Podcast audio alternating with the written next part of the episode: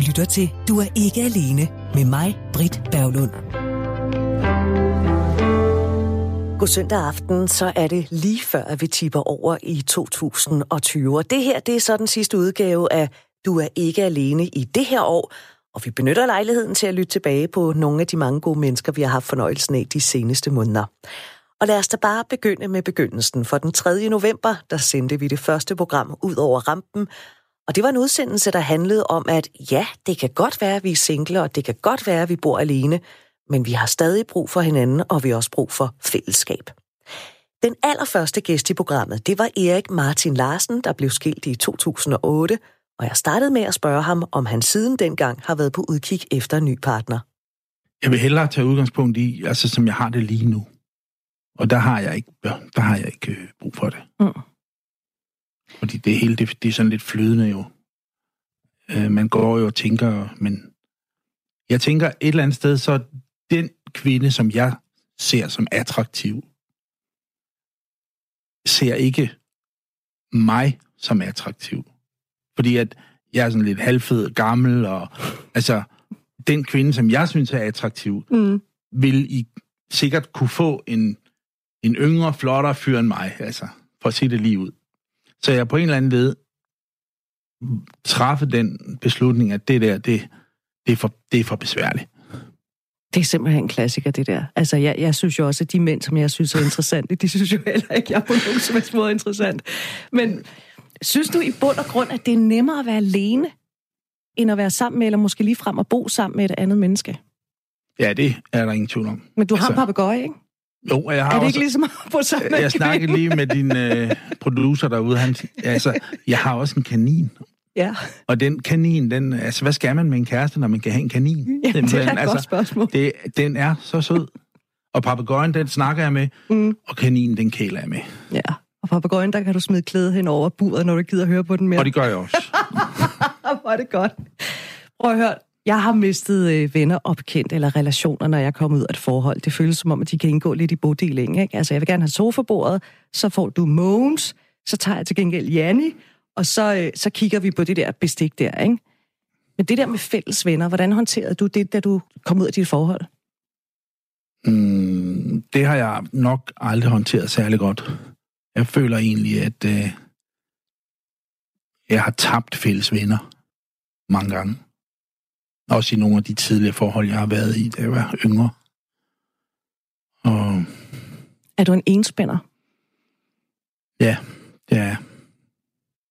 Jeg er øh, vokset op på børnehjem, og det er en lang historie, men uden en primær voksenkontakt, så jeg ligesom måtte finde min egen, øh, hvad skal man kalde det, ideal eller noget, ikke? Og derfor så har jeg altid søgt efter en autoritet, som jeg kunne gøre oprør imod. Men på trods af, at du opfatter dig selv som, som den her enspænder, så øh, begyndte du for et par år siden at komme i Mænds Mødested i Aarhus. Det er rigtigt. Hvad er det for et sted? Det er et fællesskab, et åbent fællesskab øh, for mænd, jeg vil nok sige 40 plus. Altså, jeg har ikke talt på, hvor mange gange jeg har kredset om, øh, om tanken om at gå ned i badmintonklubben og melde mig ind for at møde nogle mennesker. Og jeg synes sgu bare, det er sindssygt svært. Øh, du kom med i Mænds Mødested, fordi du øh, havde en kammerat, der gik der. Det er rigtigt. Var du kommet afsted, hvis ikke du allerede kendte en? Jeg var til noget øh, check-up, så når man fylder 60, så bliver man indkaldt til check-up inde ved kommunen, og sygeplejersken, sundhedsplejersken derinde, hun sagde til mig, du skal ud af bussen og ud og møde nogle mennesker. Hvorfor? Øh, jamen, det tror jeg var, fordi jeg nok har sagt, at øh, jeg følte mig lidt isoleret, altså på ja. det tidspunkt der. Og så kendte jeg ham, øh, vores allesammens ven der, Henning, som jeg vidste, der var med sådan noget der. Og øh, så gav det mig ligesom tro på, jamen altså, hvis han kan komme der, så kan jeg også. Så tog jeg ud og snakkede med dem. Og hvordan var så første gang? Super godt, altså. De var, vældig, de var jo interesserede i, at der skulle komme nogle nye, så de var jo meget venlige. Så, øh... Var du ikke sådan lidt nervøs? Altså, jeg kan jo godt få sådan lidt klamme håndfløder, når jeg skal møde en masse Nej, nye det, mennesker. Det, jeg, det var jeg ikke Nej, det er fordi, du er mere sej, end jeg, kan jeg godt høre. Men øh, så, så kom jeg ud til sådan en lokal, der var sådan rimelig povert på en eller anden måde. Altså, der, der var ikke rigtig, der manglede noget, synes jeg. Lige med det samme, jeg tror, det er en lokale, så bestemte jeg mig for, at det skulle flyttes noget rundt, og det skulle byttes, og der skulle et billede op der, og så skulle vi også lige have installeret vand, ikke? Og så skulle vi have et akvarium, og jeg fik... Og det var bare fint, fint. Du tog action. Fint, fint, det gør vi bare. Ja, ja. Så, så jeg blev engageret. Derefter, så nu har det kørt i et par år, ikke, hvor, hvor vi har haft sådan en gruppe på en 10 stykker eller noget, og, og indimellem så har det altså været hæftigt. Det er virkelig hyggeligt. Altså, mm. Fordi hvad laver I så? Altså, hvis nu man vi lige lukker der, Man sidder der på... 10 mennesker, ikke? Ja. Og, og snakker i munden på hinanden, og altså, man kommer jo alle sammen med en dagsorden. Noget, man gerne lige vil have ud, eller sagt, eller sådan noget, ikke? Og mm. det, det, det er morsomt. Taler I om følelser? Jamen, jeg synes, vi taler om alt muligt. Der er plads til at tale om følelser, i hvert fald. Helt sikkert. Er mænd gode til at tale om følelser, når det kun er mænd? Nu er jeg jo en mand, så det er nok ikke, det er nok ikke sådan rette til at udtale mig om. Altså. Det, du mødes jo med de her mænd. Ja, nej, det er mænd ikke gode Nej. til. Nej, det er Nej. ikke. Altså, der skal noget til sådan lige at, at rive jer ud af busken, og så få åbnet op for de der følelser. Mm. Men altså, vi drikker aldrig kaffe og spiser kage, og, og vi har også, øh, så, så har vi aktiviteter. Vi har for eksempel øh, læst højt hos Andersens eventyr, eller vi har været øh, ude at sejle, eller, altså vi laver, øh, vi, vi- kan, hvad vi nu kan finde på, simpelthen, altså, altså Oh. af ting. Hvad har det betydet for din livskvalitet, at du kom med i Mænds Mødested? Det har betydet rigtig meget. Jeg har fået øh, meget mere øh, styr på, på mit liv. Altså mod på at gå ud og snakke med andre. Efter jeg har været i mænds mødested opsøgt jeg gamle venner, som jeg vidste godt kunne bruge en hjælpende hånd. Og, jamen, det, det har virkelig betydet meget. Ja. Jeg har, jeg har et omsorgsgen, som jeg, som jeg har brug for at pleje. Og det har betydet rigtig meget. Også i forhold til, at øh, jeg for eksempel meldte mig ind i en frimærkeklub, Mm. hvor jeg sidder sammen med nogle ældre herrer, som interesserer sig for den slags. Og, og det er uden, det er 100% sikkert ikke gjort, hvis Nej. ikke jeg havde været ude i mænds mødested og fået øvet mig lidt i at snakke med andre. Og, og, og jeg vil også sige, jeg har også begyndt at se og mødes med nogle kvinder. Det, men det skyldes, at det begyndte at gå lidt ned ad bakke i mænds mødested, faktisk. Pludselig havde jeg lagt alt for mange æg i den samme kurv derude, simpelthen. Og der blev lidt kur på tråden og sådan noget. Så kunne jeg mærke, at, øh, at øh, jeg, hvis jeg mistede det der mænds mødested, så ville jeg næsten stå tilbage uden noget som helst. Mm. Fordi jeg havde engageret mig i kulturhuset og i Jamen, altså på biblioteket og forskellige andre ting. Vi har også en have, for eksempel, som vi deler og sådan noget. Der var mange ting, som jeg havde involveret mig i. Og hvis det der mens vi mødested smuttede, så var det rigtig mange ting, som jeg pludselig ikke havde. Det er svært at få- begrunde, hvorfor. Men altså, der var nogle ting, som kørte lidt skævt. Og så har jeg så, har jeg så måtte øh, finde noget andet, der også ligesom... Og så vidste jeg, der lå det der seniorværksted her i Aarhus. Ja, og det, det har jeg længe haft kig på. Og så gik jeg op og satte mig i lokalet en formiddag, hvor der ikke var nogen mennesker, og sad og tænkte over, om det her, om det var et godt sted, hvor jeg, om jeg kunne være her og arbejde og sådan noget. Og det var perfekt. Så jeg kom igen. Så var der en, en dag, hvor jeg kom, hvor der sad nogle folk, og, og så sagde jeg pænt goddag, jamen jeg vil gerne også lave keramik og sådan noget. Mm. Og så da vi skulle til afsted, så sagde de, fandme, du kommer der igen, ikke? Så er vi tilbage til det der med, at det er jo dejligt, når folk gerne vil en. Ja. og nu kommer du dog rent faktisk øh, mandag og fredag. Det er højt prioriteret i din kalender. Jeg kan slet ikke blive væk. Og det er jo egentlig lidt sjovt, når du så samtidig siger, at du er enspænder. Men det hænger jo også lidt sammen med, at jeg får plejet min kreativitet. Altså det der med at sidde alene hjemme ved sig selv, og så dyrke maleriet, det er mega svært. Så er det, så er det federe, eller det er bedre, nemmere for mig at komme ud og sidde i et fællesskab sammen med nogle andre mennesker, som også gerne vil lave noget keramik. Og så sidder man der og bliver inspireret af hinanden. Og så taler man jo super godt sammen, når man laver noget sammen. Super godt. Altså, det kan jeg kun sige ja til. fortalte Erik Martin Larsen, der er kunstner og single. Og måske bed du mærke i, at Erik sagde, at nej, mænd er ikke gode til at tale om følelser. Og det er noget, som Svend. Madsen, der er psykolog og formand for Forum for Mænds Sundhed, kan bekræfte. Men for det første skal vi huske, at mænd er forskellige. Men, ja. men altså, når, når vi skal sige, at der er nogle særlige træk ved mænd, så er der jo meget ofte det der med, at de ikke er så meget vant til at snakke om tingene. Og så er der det særlige ting, at for mange mænd, så er deres partner, den som de nu har brud med, har ofte været deres eneste virkelig fortrolige. Det vil sige, at for mange mænd er det brud også et udtryk for, at så har jeg slet ikke nogen at snakke med. Mange mænd har, når man spørger mænd om, hvem kan du tale med fortroligt, hvem er, kan du snakke med om, hvad du bekymrer dig for, er ked af og alt sådan noget, begejstret for alt sådan noget, så er det som regel deres partner. Mens mange kvinder jo kan snakke med veninder og andre om det. Så på den måde, så kan man sige, at der er den store forskel, at når mændene så kommer ud for et brud og bliver alene, så ved vi bare, så har de ikke nogen andre at snakke med. Noget af det, som jeg arbejder meget med, når jeg har mænd i, i samtale, det er jo at finde ud af, er der en eller anden, du kunne snakke med om de her ting? Og det gør de meget ofte ikke. Og så kigger vi rundt i deres fortid, er der en eller anden gammel skolekammerat måske, og så siger han, om de der to, dem kunne jeg i hvert fald aldrig snakke med om den slags ting, men måske ham her, eller hende her, kunne jeg måske godt fortælle om, hvordan det er, jeg har det. Det er helt utroligt vigtigt, og en vigtig, vigtig ting for mange mænd. Ellers er der kun partneren, som de så er i brud med. Mm. For det siden, der talte jeg med øh, Peter Frolborg, der havde ringet til, øh, til programmet her. Han fortalte, at han, han brugte en arbejdskollega. Øh, det, det var sådan meget, det, det gik relativt stærkt, og han endte faktisk med at flytte relativt tæt på den her kollega, så der var fem mm. minutter mellem en, en, over til en kop kaffe. Ja. Så det er rent faktisk, øh, altså, hvad kan man sige, undtagelsen. Ja, heldigvis er der jo nogen, der kan snakke med nogen, men, men ja. vi ved jo godt, at, at, hvad skal man sige, at for mange mænd, så er det der med også at snakke med en, som ser ud til at have det dårligt. Det er der lavet masser af undersøgelser med. Det mener mænd jo, mange mænd jo, at det kan man ikke, altså det vil være at, at masse sig ind på dem, det vil være at, at, at rave sig ind i noget, som man ikke skal blande sig i. Så mange mænd tænker det der med, når de ser en af deres kolleger have det dårligt, det kan meget tit være en, man oplever, så mange mænd er, når de får det dårligt, så kommer der meget tit konflikter, og der er hele tiden ligesom ballade omkring dem, eller de trækker sig væk fra andre, sidder for sig selv i kantinen, er ikke mere sammen med de andre. Og så, så er der jo mange, der godt ved, at der er et eller andet galt. Han har det skidt på en eller anden måde, men, men de holder sig tilbage, fordi de tænker, han vil synes, det er forkert, hvis du kommer og spørger. Men hver eneste gang, vi snakker med nogen om det, så siger de fleste jo, bare der dog var nogen, der kom og spurgte, hvordan jeg har mm. det. Bare lige en gang imellem kommer og siger, ikke hele tiden, men, men bare en gang imellem, hvordan går det egentlig, hvad, hvad er der et eller andet?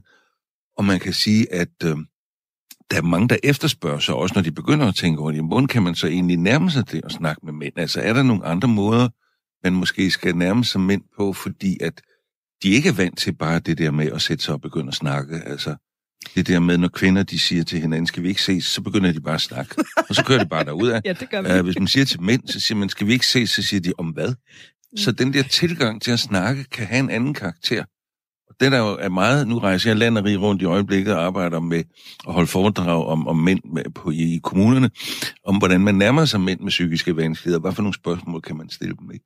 Der siger jeg bare altid, du skal aldrig spørge, hvordan har du det? Fordi så vil de fleste mænd synes, Jamen præcis, det er, det, er det, jeg sidder og tænker. Det er alt for stort et spørgsmål så, men, men du siger jo, de vil jo gerne spørge hvordan de har ja, det. Så, så skal man bare man? sige, så kan man jo for eksempel sige det der med, du, det ser ud som om, du, du har det lidt skidt. Er der sket noget for nylig? Mm. Som er noget andet end at sige, hvordan har du det? Eller øh, er der noget på hjemmefronten, der er sket her for nylig for eksempel? Eller, så det er nogle meget konkrete ting, det kan være vigtigt at spørge om. Fordi hvis man spørger mænd, om de har et problem, så er det meget ofte, de glider af på det. Ja. Ikke alle mænd. Nu skal vi hele tiden huske at sige, mænd ja, ja, er forskellige. Nu men du, nu kører vi ja. det altid, når det er køn, så det altid bliver det lidt stereotypt. Ja. Ikke? Sådan er det jo. Men, men, men, men, men det der med, at man så spørger til noget konkret, hvis man simpelthen spørger mænd om, er du, er du, er du ked af at være alene? Så er der langt flere kvinder end mænd, der siger, at de er ked af at være alene. Hvis man spørger mænd om, har du haft nogen at snakke med de sidste halve år, så er det tre gange så mange mænd, der siger ja til det spørgsmål. Men... Så der kom hen, hvordan er den virkelige øh, sag i jernindustrien? Hvordan er det virkelig, det foregår? Det er det, som mange mænd gerne vil have. Men Svend Madsen, hvis nu, at jeg ser en eller anden mandlig kollega, der, altså, der måske mm. ja, i mine øjne, mine ja. kvindeøjne, ikke ja. ser ud, som om han har det så godt, og ja. jeg spørger ham, øh, hvordan går det derhjemme? Mm. Hvad er chancen for, at han vil svare mig ærligt? Den tror jeg er stor, hvis, du, hvis han har lyst til at snakke. Ja. Og den er større, hvis du kommer hen og siger, er der sket noget for nylig? Er der et eller andet? Er der noget, vi gør, som vi kunne gøre anderledes?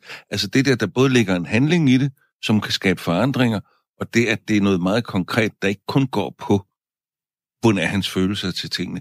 Kan i det er ikke, at han ikke vil snakke om de følelser hen ad vejen. Man kan på mange måder sige, at mange kvinder, de kan ligesom gå bredt ud og starte med de store følelsesmæssige spørgsmål fra begyndelsen af, kan man sige. Mange mænd, de nærmer sig det lige så langsomt ved at starte med noget konkret. Og så skal de mærke efter, kan man, kan man snakke om det her? Har jeg sprog for det?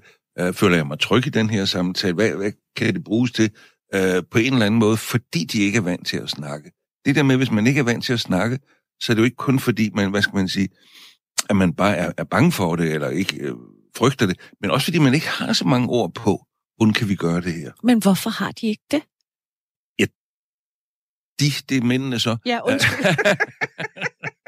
det, undskyld, ja, jeg ser det jo med det, min kvinde. Det er den ene halvdel af befolkningen. Jamen, det er jo fordi, kan man jo sige, der, der er jo to ting i det. Det har jo været sådan, at i hele den menneskelige civilisation, har det jo aldrig været frugtbart eller produktivt, at mænd gik rundt og forholdt sig til, hvordan har de det, ah, når de skulle udføre deres opgaver. Det har været mega, for det, det er fordi, de ikke er klar over, hvor frugtbart det er, vi ja, taler men, om tingene. Men, men når man skal bygge Eiffeltårnet, når man skal forsvare hulen mod sabeltiger, når man skal stå på en fiskekutter, når man skal køre som langtogschauffør, når man skal stå ved stensmaskinen på fabrikken, er det ikke særlig produktivt, at man står og siger, hvad føler jeg nu, hvordan har jeg det nu, hvordan har jeg det med alle de andre og alt det der.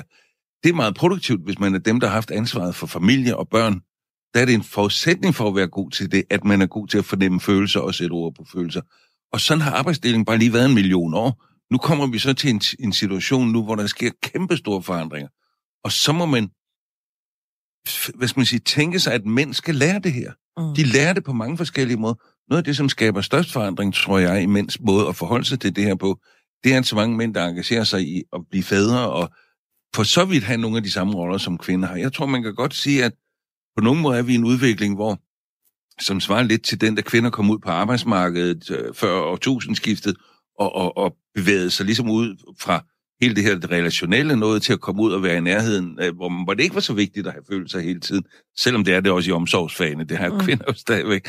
Men, men hvor mænd måske bevæger sig i en retning nu, hvor de kommer fra et arbejde, og det, det er sådan øh, konkrete er, er, er centrum i livet, til nu engagerer de sig også i familielivet. Og så kommer de igennem den samme hvad skal man sige, forløb, som kvinder er kommet igennem. Nu kommer de bare i omvendt rækkefølge, og det tror jeg bare, kønnene kunne lære en hel masse af hinanden ved at forstå, at man kommer ikke bare fra en sfære til en anden, og så, så er man fuldt professionel til den.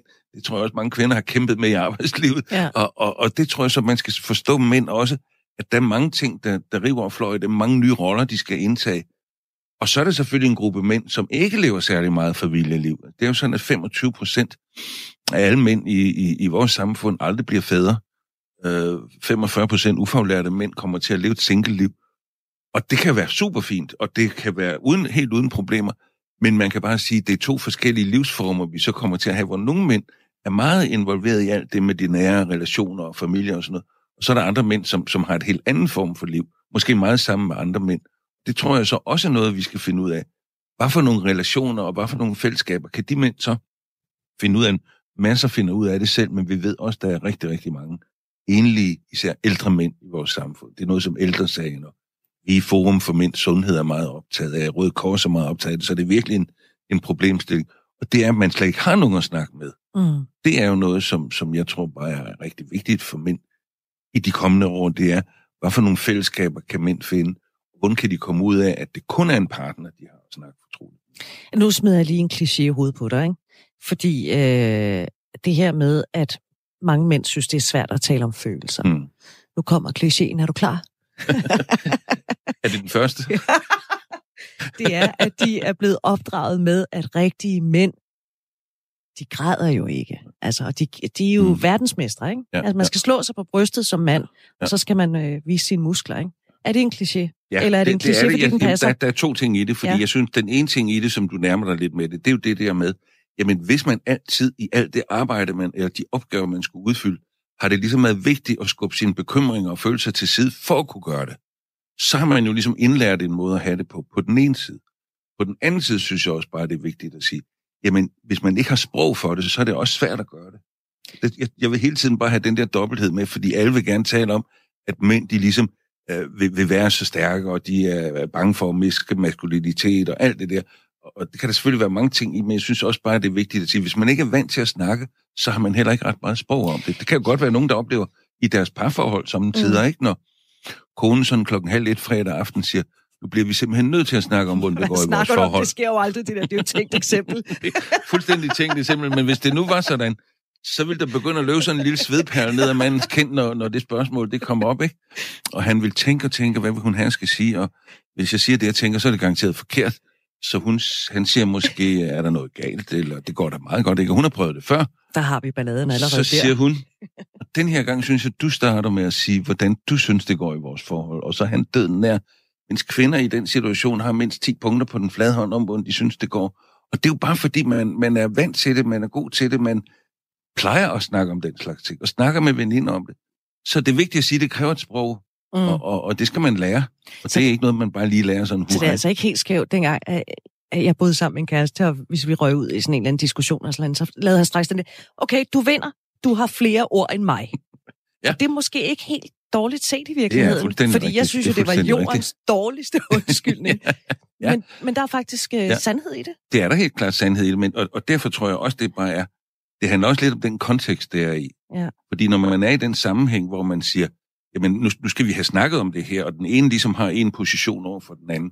Jeg har jo oplevet det med meget forskning med mænd, hvor vi, når vi har interviewet mænd, så er det jo meget ofte, at vi sådan har tænkt, at det her, det kan vi sgu da forestå på en halv time, det her interview her. Og så er de var taget to og en halv time hver. Så pludselig, når man kommer i en situation, hvor mændene, de oplever, at nu er der nogen, der gerne vil vide, hvordan tænker du egentlig? Uden fordomme, uden øh, ligesom på forhånd ligesom at, at skulle tillægge dem noget. Og så har de jo snakket og snakket og snakket i timevis af. Jeg tror, deres koder ville have stået med lange ører og hørt på, hvad det var, der foregik, ja. hvis de kunne komme til det. Så man skal heller ikke tage fejl af, at konteksten kan være øh, noget, hvor, hvor mænd kan føle, at nu er de op til et eller andet, hvor han synes, du er meget bedre til at snakke. Ikke? Mm. Måske også snakke for længe om det. Der også, man også hørt det udtryk, det har vi ikke snakket nok om det nu, som, som også kan indgå i den her sammenhæng. Og det er noget, fordi mange mænd de også tænker, hvis man bevæger sig ind på det her følelsesmæssige område, hvor er så enden på det? At ligesom kvinder kan godt ligesom snakke, og så går de fra hinanden igen, så de udvikler en hel masse følelser. Hvis man ikke er mand til det, og man begynder at tage hul på noget sårbart, så er der mange mænd, der ikke ved, jamen holder det så overhovedet op igen, bevæger vi os bare dybere og dybere ned i noget smertefuldt. Og derfor kan det også være vigtigt i mange sammenhænge, ligesom at lære, at man kan sådan snakke et stykke tid om tingene, og så kan man snakke om noget andet, at det bliver ikke ved i en uendelighed. Og det er det, og mens jeg har vi ikke snakket nok om det nu, så er det fordi, de ikke ved, hvor ender det så hen. Så der er mange ting, man skal lære, og det tror jeg bare er, er rigtig vigtigt. Sagde psykolog Svend Ove Madsen, der også er formand for Forum for Mænds Sundhed. I samme udsendelse, der ringede Mads ind. Mads, han kunne godt genkende billedet med, at det var svært at svare helt ærligt på spørgsmålet. Hvordan går det? Og havde du eller jeg spurgt ham for nogle år siden, så havde han svaret sådan her. Jamen, så har jeg sagt, at det går fint. Hvorfor, hvorfor uden, ville du øh, svare det? Blink. Jamen, øh, det var, havde jeg overbevist mig selv om, at det gjorde. Og, øh, og havde du spurgt mig lidt mere, så havde jeg holdt stadig fast på det. Og det kunne da godt være, at åh, det bliver bedre lige om lidt. Det, det skal nok gå.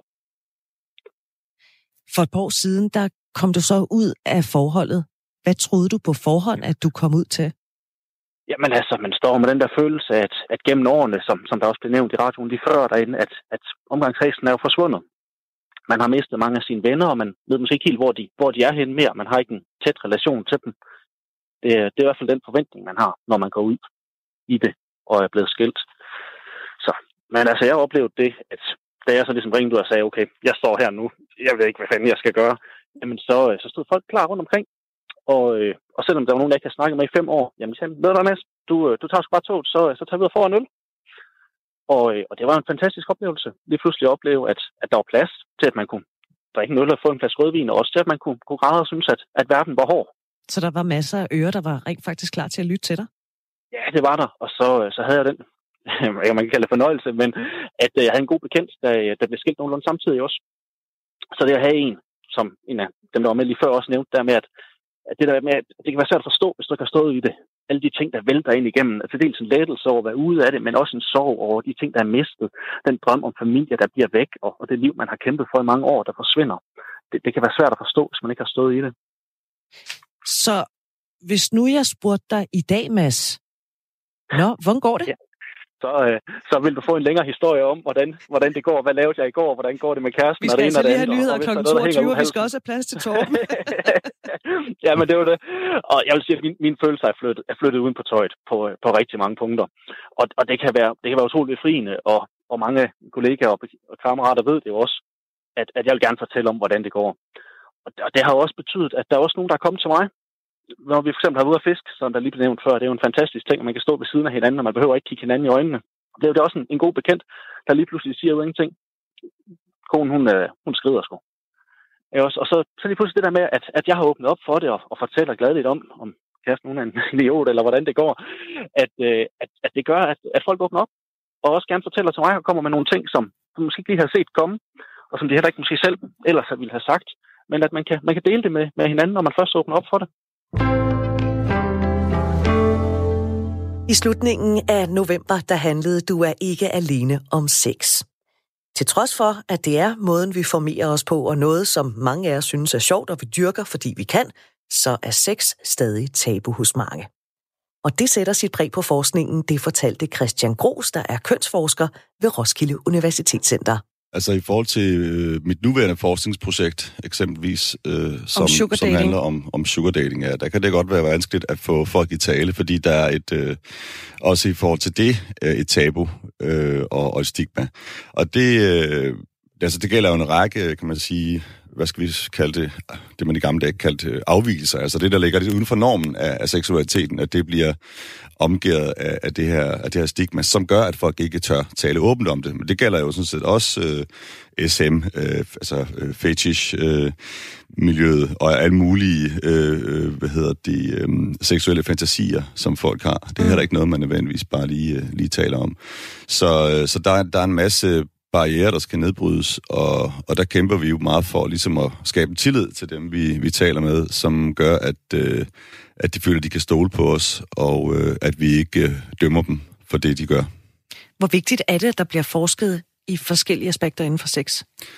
Det er utrolig vigtigt, og, øh, og der er i virkeligheden ikke så meget forskning, når det kommer til stykket, hvilket er helt besynderligt.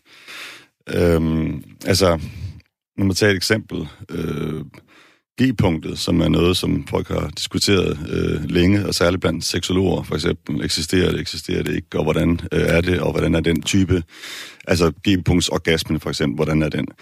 Øh, jamen altså, antallet af studier om, om det er ekstremt begrænset.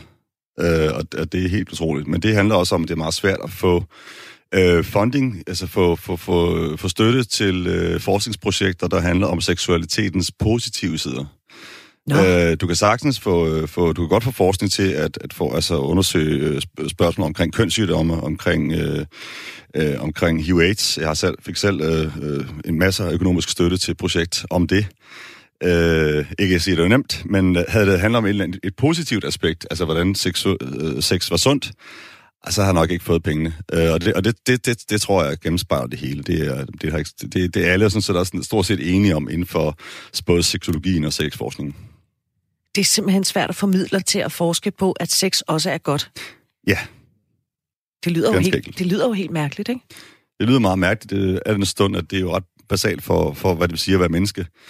Øh, altså seksualiteten. Det er ligesom også, den måde, vi også formerer os på. ja, ja, men nemlig, og, og også de positive øh, aspekter af det, men det bliver meget set som noget netop lidt frægt eller, eller useriøst. Det er også derfor, at nogle, nogle gange, når jeg siger, at jeg forsker også i, i, i sex eller seksualitet, så griner folk. Hvorfor griner folk? Ikke? Ja. Men det er jo fordi, man tænker, ej, Hvornår skal du have det rigtigt arbejde? Det kan da ikke være seriøst. ja. Men hvorfor tænker vi? Så skal man lige tænke sig om, og prøve at finde ud af, hvad er det en, der gør, at, at, at vi tænker, at det ikke er seriøst. For det er jo en dybt seriøst. Men det gælder jo sådan set hele vores samfund. Ikke? Så snart der er en eller anden øh, øh, historie om, om, om øh, seksuelle eskapader, så kommer det på forsiden af Ekstrabladet eller sådan noget. Ikke? Altså ja. det er sådan noget, vi forbinder med, med, med noget, noget skandal, skandaløst, øh, noget usøst, noget... Øh, tabloidt. Tabloidt, ja, ja. så videre, ja. Du er ikke alene her på øh, Radio 4. Jeg har besøg af Christian Gros, der er antropolog og øh, lektor og forsker kønsforsker ved Roskilde Universitetscenter. Noget, du ved rigtig meget om, så det er jo omverdens syn på mænd og kvinder, og hvis de hver især har mange sexpartnere. Er det sådan, at man som mand er en fandens kal, hvis man bare nedlægger de der damer på stribe? Det er jo sådan en del af samfundet anskuer det. Altså i omklædningsrummet? Er det sådan? Ikke, det ved jeg ikke lige der. Altså, det, den der idé om, øh, om at, at mænd sidder og snakker utrolig meget om sex i, i om, omklædningsrum, det, det tror jeg ikke øh, altså, er, vildere end, end, end som så. Men anyways, det, det er rigtigt nok det med, øh, at, at, at der er en, en, en forestilling om blandt særlige øh, unge, at øh, jamen, øh, ja, jo flere kvinder man har været sammen med, jo, jo sejere er man, jo, jo mere respekt høster man hos de andre øh, mænd, og, øh, og også nogle gange blandt øh, kvinder i mm. øvrigt. Øhm, så der kan mænd kan få en, en særlig status af at have mange øh, sexpartnere. Og så lad os tale om kvinderne, der har mange sexpartnere. Hvordan ser omverdenen på dem? Ja, helt generelt så er det jo, det er jo der problemet opstår i forhold til øh, ulighed mellem kønnene, at, øh, at kvinder, nogle kvinder kan blive set ned på, øh, øh, øh, ja, stigmatiseret, hvis de har øh, mange, eller har, har haft mange øh, sexpartnere, eller hvis de øh, er erotisk øh, udad, udadvendte osv. Det er en gammelkendt historie. Og så vender jeg mig om til gæsten, der sidder her ved siden af dig, Christian. Fordi øh, Anahita Malakians selvstændig debattør kampagnen hashtag over 10, hashtag over 100. Den startede for lidt over et år siden med et Facebook-opslag, hvor du selv fortalte, at du har haft sex med mange mænd i dit liv. Og det er ikke sådan en, to mange. Det er sådan omkring 100 mænd, ikke? Hvad gjorde udslaget for, at du åbnede for posen og så skrev det her meget ærlige opslag? Jamen, udslaget var sådan set en, øh, en pige, som jeg havde en snak med. Vi stod, øh, apropos det der med at snakke om, hvor mange partner man havde haft. Det var så ikke lige et omklædningsrum, det var på arbejde. Og øh, der var så en, der var 19 år, 19-20 år, der fortalte, at hun havde haft 17 partner på fire år. Øh, og det var hendes veninder begyndt at synes var for mange. Og, og jeg sad og tænkte, for mange på, på fire år? For, altså, det er jo ikke engang en om måneden. Øh, og når vi nu snakker om, at sex er en vigtig del af vores liv, så, så er det da rimelig trist at gå og leve cølibat i så lang tid, i mine øjne i hvert fald. Øhm, jeg prøvede sådan at fortælle hende, at øh, det var ikke mange, fordi hvis nu hun hørte, hvor mange jeg havde været sammen med bare det sidste halve år, så kunne det være, at tingene blev sat i relation til hinanden, og så kunne hun se, at det var måske ikke mange. Og hvor mange var det så? Det er en hemmelighed. Nej. Lad os bare sige, det var to cifre tal. Okay. Øhm, og så, øhm, jeg var også lige blevet single, ikke? Og Tinder eksisterede. Prøv at høre, du skal overhovedet ikke forklare nej, noget. Nej, overhovedet ikke. Jeg skammer mig absolut ikke. Øhm, det var en sjov periode. Det er en sjov periode. Men bortset fra det, så, øh, så kunne jeg bare se lettelsen i hendes øjne, da det var, hun fandt ud af, hvad mit tal havde været. Fordi lige pludselig, så kunne hun jo godt se, jamen, så er mange netop relativt. Fordi hvordan kan det være, hvordan kan hendes være mange, når mit er flere, og så er der måske en, der har endnu flere end mig. Og det gik og nade mig lidt øh, par dage efter den her samtale, fordi jeg havde sådan lidt, jeg troede seriøst, ungdommen var kommet videre i forhold til det der med at udskamme kvinderne for deres øh, seksualitet, eller hvis de havde haft mange partnere. Og så sad jeg simpelthen på Gentofte øh, Hospital og skulle have en undersøgelse, og synes, at det var på sin plads at lige minde folk om, at øh, ja, der findes singlekvinder, ja, de har sex, ja, de bliver også undersøgt for kønssygdomme, og ja, der er positive sider ved sex. Lige så vel som der kan være negative sider, men der er også positive sider ved sex, som vi netop ikke taler om. Øh, både det der med at finde sin egen grænser, og det her med at finde ud af, hvor, hvordan fungerer min krop, øh, med, om det er så forskellige partner eller den samme partner, og, øh, og, og det med at kunne sige fra, hvis der er noget, man vidderligt ikke kan lide, i stedet for at sidde i situationer, hvor man tænker, jeg burde have sagt fra. Det her med at have mange partner hjælper meget på ligesom ens egen udvikling. Og, øh, og jeg havde sådan lidt, det skal folk der, altså, det bliver der nødt til at lige skrive noget om. Og jeg var jo godt klar over, at når det kom fra min mund, som så var politisk aktiv samtidig, så ville de fleste nok tabe kæberne lidt og tænke, det var ikke lige det, vi havde forventet af en, der stiller op til, til Folketinget. Øh, og det gjorde de sørme også. Øh, der var ligesom noget inkongruens mellem den person, der talte om det her emne, og så emnet. Det plejer som regel at være netop sådan nogen som Christian, ja. eller pornostjerner, eller tidligere striber, eller seksologer, der taler om sex, fordi det er naturligt, de gør det. Men det er som om resten af samfundet, alle os andre, som har alle andre forskellige øh, jobs eller titler, vi må ikke tale om det, fordi det er vi ikke eksperter i, eller det har vi ikke nogen øh, mm. stemme i. Så, så, så for mig var det også at provokere lidt at sige, ved du hvad, det kan godt være, at jeg stiller op politik, men jeg gider ikke være en dødssyg politiker, der ikke viser, at jeg ikke dyrker sex. Altså, hvad, hvad, skal jeg bruge, hvad skal jeg bruge sådan en menneske til? hvis I skal stemme på en person, som ligner et eller andet glansbillede. Mm.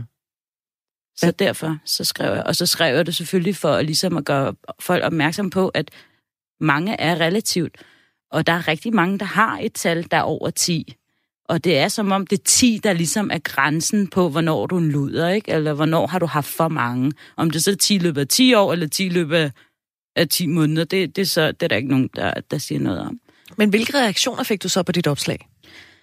Jamen, altså i starten var folk var sådan meget, åh, hvad, hvad skulle det til for? Og vi har der et, øh, der var mange, der synes det var et mediestunt, eller jeg gjorde det for at promovere mig selv, og jeg tænkte, ja, det er en rigtig fed måde at promovere sig selv på. Smide sig selv på bålet og sige, hey, jeg ligger her, når jeg har split her ravne nøgne, ikke? Kom. altså, det er overhovedet ikke nogen fed måde at promovere sig selv på.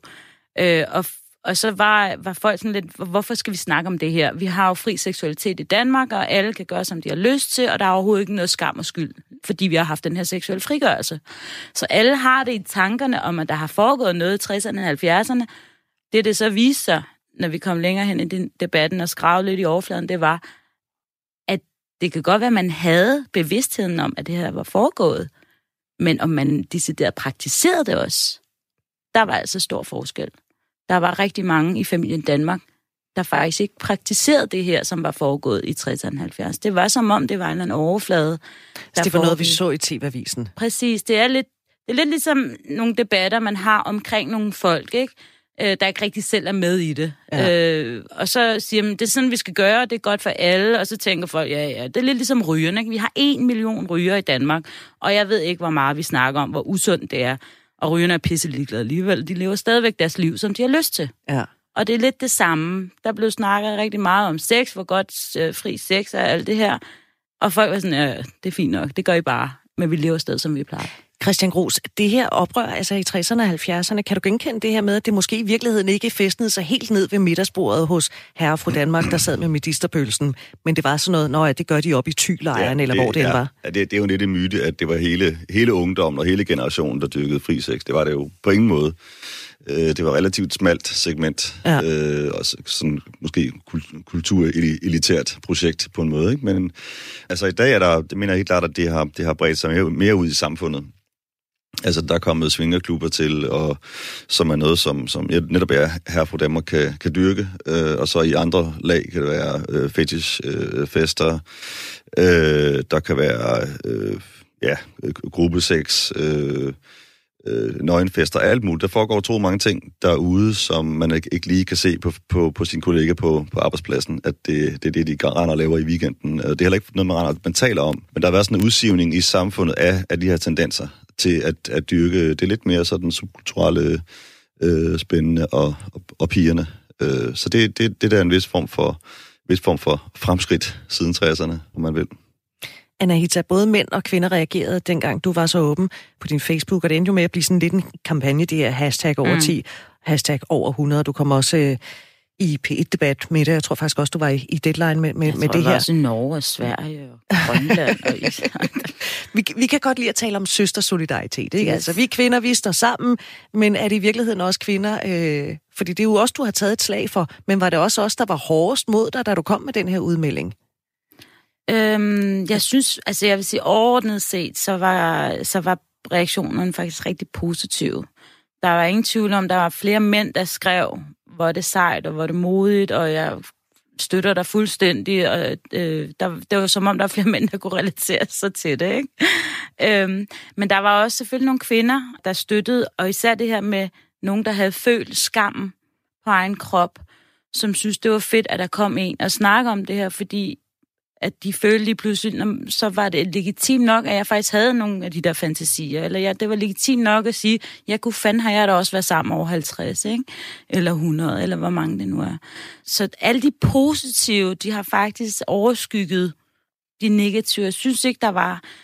Det kan også være, det er bare mig. Jeg har en tendens til ikke at lade det negative påvirke mig, så det kan godt være, at jeg ikke ser det i samme grad. Og det kan godt være, at der har været en del, øh, men, men jeg har ikke jeg har ikke mærket det på, på den måde. Jeg har mest mærket det, hvis folk har været kritiske, fordi de synes, at det var en politisk kampagne for at blive valgt ind i Folketinget. Øh, det var det, jeg faktisk blev mest sur over, når folk var negative. Det var ikke så meget, øh, hvis de synes, at den min måde at leve på, det var en, øh, en ekstrem måde, så havde jeg sådan, jamen det er fint nok, men jeg pådutter ikke dig at leve på samme måde. Jeg siger bare, at du har ingen ret til at dømme mig, eller i hvert fald pege fingre af mig, eller kalde mig navne, fordi jeg lever på den her måde. Du må gerne være uenig. Du må gerne også gerne bare have sex med en eller to, eller hvor mange du har lyst til. Jeg går jo kendt og siger til dig, ad, var du from. Fy for helvede.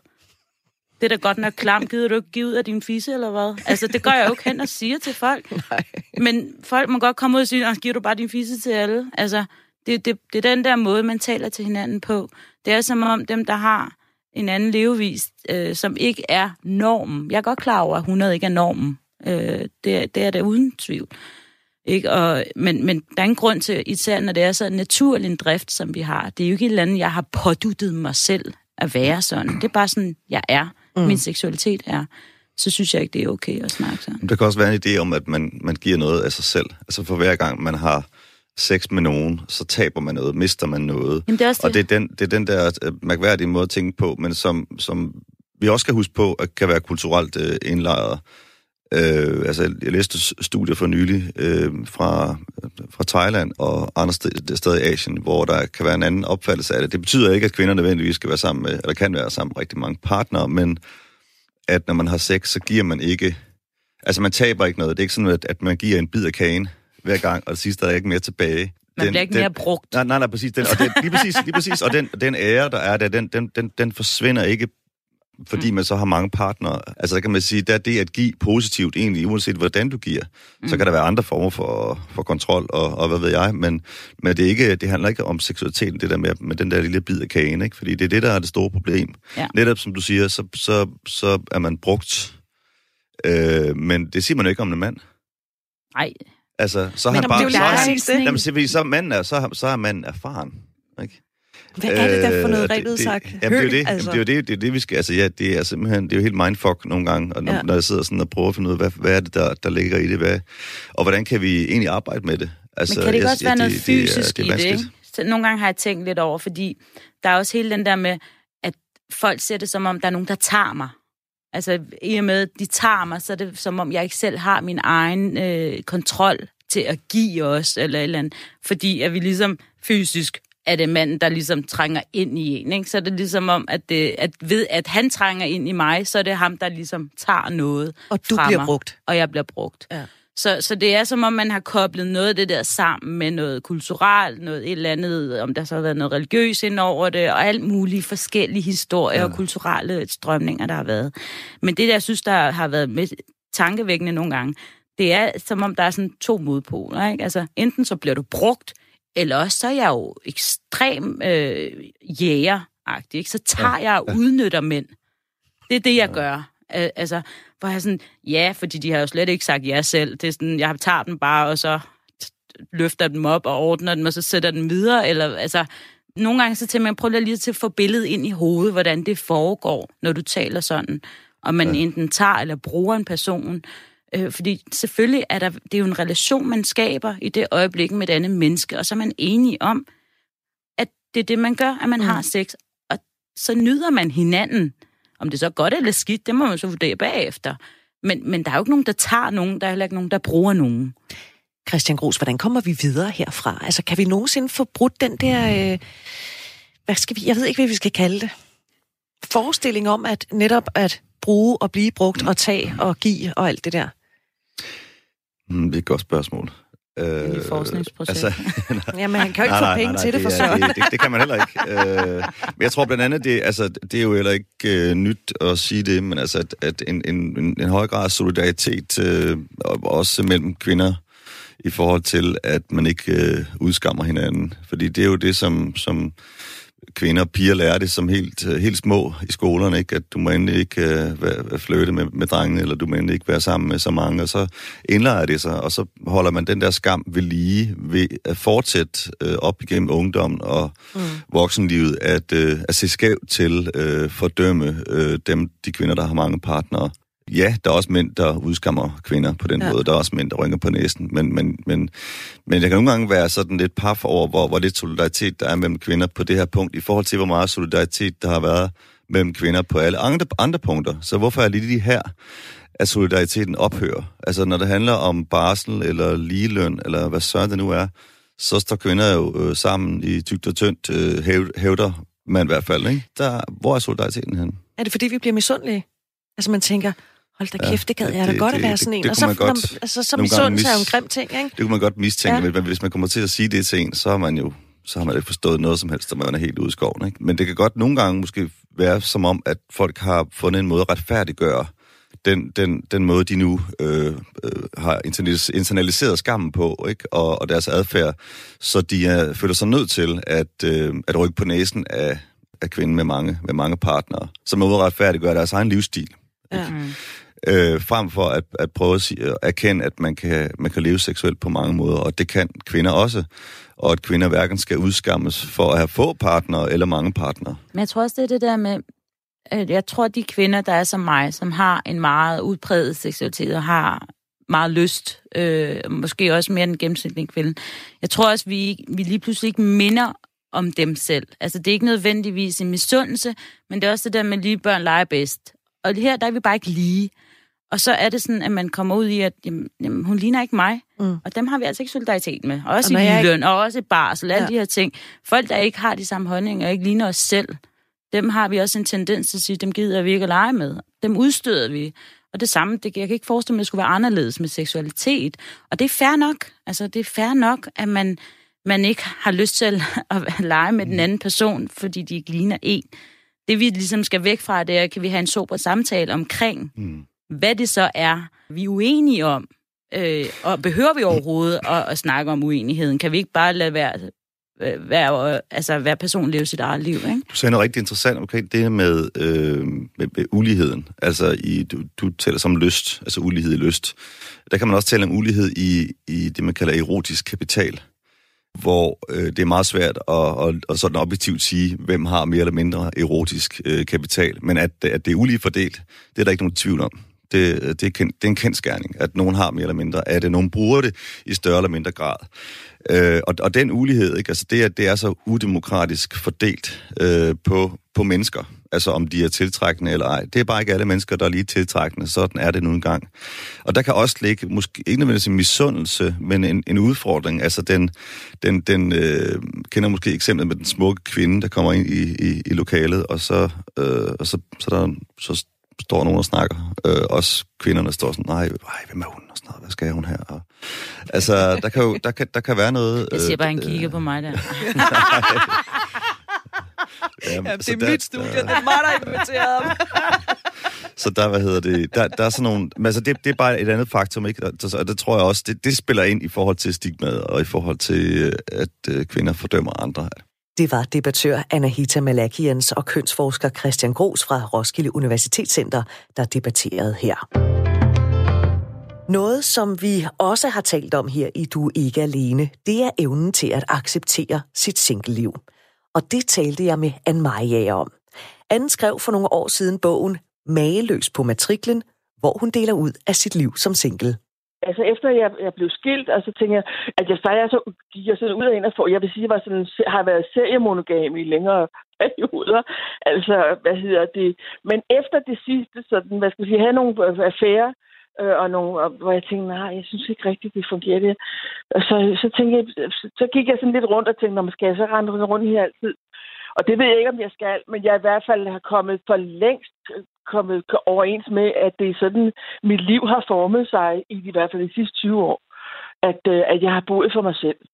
Og det øh, opdagede jeg så, at det er der ikke spor, noget, der er spor mærkeligt ved. Det er der en hel masse andre, der også gør. Og det er fordi, tingene har ændret sig, og vores vilkår, vores kvinders vilkår også har ændret sig. Mm. Og så at man så øh, også lærer at afdramatisere det, fordi det tog mig tid at, at prøve at afdramatisere det der med at bo alene, hvis du forstår, hvad jeg mener. Nej, hvordan afdramatisere? Altså, du ved, det der med, at nu læste jeg forleden dag, der var i, jeg tror, det var i politikken, hvor der var en, der skrev, at han havde været alene i biografen.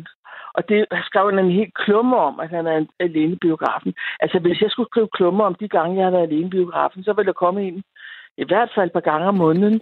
Altså, det er jo sådan lige, når jeg har lige to timer. Men altså, for nogen er der nogle ting, man ikke gør alene. Og dem har jeg gjort op med. Det har jeg fuldstændig taget dramatikken ud af. Mm. Jeg går i teater alene, jeg går, går i biografen alene, og jeg går for den sags skyld også ud og, og spise alene, og jeg rejser alene. Men det her med at nå frem til, at det ikke længere var en fase, altså det var i virkeligheden, så tog ja. du bare en bid af livet hver dag. Hvor lang tid tog ja. det at komme dertil? Ja, det ved jeg da ikke. Det tog sådan lidt, jeg tumlede lidt rundt i nogle forskellige øh, for, forhold og sådan noget, og øh, ja, det ved jeg ikke. Det har vel taget, øh, jamen det har vel taget, ja, det ved jeg ikke. Det har nok, altså fra jeg besluttede det der, det, har, det er nok 20 år siden, og så at komme to come to terms with it, som de siger over i Amerika. Altså, ligesom, det er nok 15 år siden. Mm. Vil jeg tro sådan, ikke? Og, jeg, og mit liv udviklede sig også meget mere fornuftigt, efter jeg havde fundet ud af det. Altså, jeg begyndte at gå ind i noget, øh, hvad hedder det, øh, frivilligt arbejde. Jeg engagerede mig i, i i, øh, i rumænske børnehjemsbørn. Jeg fik en plejesøn, kan man sige. Jeg blev kontaktfamilie med en dreng, som i dag betragter mig som sin mor. Altså pludselig skete der en hel masse, fordi jeg begyndte at søge ud nogle andre steder, end dem, der ligesom ligger lige for, hvis du forstår, hvad jeg mener i bogen der, Mageløs på matriklen, der interviewer jeg en, der rejser, som arbejder som rejsejournalist, og som har rejst og har boet alene stort set hele sit liv. Og hun fortæller om det der med at gå ind på en restaurant og insistere på at sidde midt inde i lokalet. Ikke noget med at sidde hen ved, hen ved toilettet eller ude ved køkkenet eller sådan noget. Hun vil sidde og nyde selskabet og sådan noget. Og jeg ved ikke, altså, jeg tror ikke, hun udgiver sig for andet end det, hun er. Altså øhm, det, det, øh, en rejsejournalist. Jeg tror, hun er helt fløjtende ligeglad med. Det er jo også sådan noget, man skal så komme over. Mm. Det der med at fortælle, hvad tænker folk? Hvad rager det mig, hvad folk tænker? Altså, undskyld mig. Jamen, fordi noget af det, der har gjort noget? mig usikker end mig, at altså, om ja. jeg i andres øjne sådan levede mit liv godt, det er, når jeg får det der spørgsmål, om jeg ikke snart skal finde en mand. Og i virkeligheden, ja. så er det jo fuldstændig ligegyldigt, hvad andre folk tænker men ja. det, synes jeg jo ikke altid, det er. Du er også blevet stillet Nej. de her måske velmenende, men også utrolig dumme spørgsmål. Ja. Hvad er dit svar, når, når folk siger, Nå, oh, Anne, skal du ikke snart ud og have en mand? Gud, det har jeg glemt, plejer jeg så at sige. Gud, det har jeg helt glemt. altså, hvad skal man sige? Altså, fordi jeg har jo også haft nogle stykker. Det er jo ikke det, men det er bare, det vil sige, det er, det er langt mellem snaps de sidste 20 år. Men altså, ja, det, det er, men det betyder, at gud, det er jeg da helt glemt. Men der er jo ting, jo, ja, de spørger mig ikke længere. Men nu begynder jeg, for nu siger mine veninder, nu skal vi altså indrykke en annonce. Så nu har, har jeg, nu er der nogle veninder, der har sat mig i stævne, de synes, vi skal indrykke en annonce. Jeg skal begynde at komme lidt ud på datingmarkedet. så det kan også være sjovt. Det, det, selvfølgelig kunne jeg, det kunne også være sjovt. Altså det, som også er vigtigt, synes jeg, når man bor alene, det er, at man sørger for at have nogle vidner til sit liv.